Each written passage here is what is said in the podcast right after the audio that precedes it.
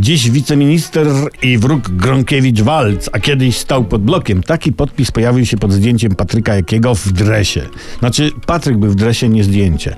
No i w sieci zorganizowała się taka akcja wspierająca pana Patryka pod hasłem Stałem pod blokiem. I ja przyznam się, nie tylko stałem pod blokiem, ja także biegałem pod blokiem. Raz nawet bardzo szybko, jak piłkę, jak wbiłem piłką szybę sąsiadowi.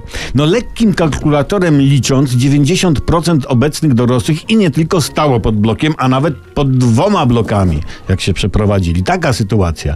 Jakby mogli stać pod willą, to by tam stali. Jasne, że lepiej było wystawać pod, przed jachtem na przykład niż przed trzepakiem, ale z braku jachtu to i na trzepaku była super zabawa.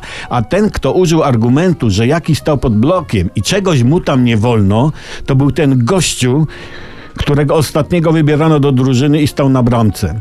To ten sam zgniłek, który zakapował mnie, jak ja, wiecie, wbiegałem, dzwoniłem do sąsiadki, uciekałem, siadałem przed klatką na ławce, nie? Kobieta wypada, ty dzwoniłeś, a skąd? To taki rudy chłopak go tam pobiegł, proszę pani, nie?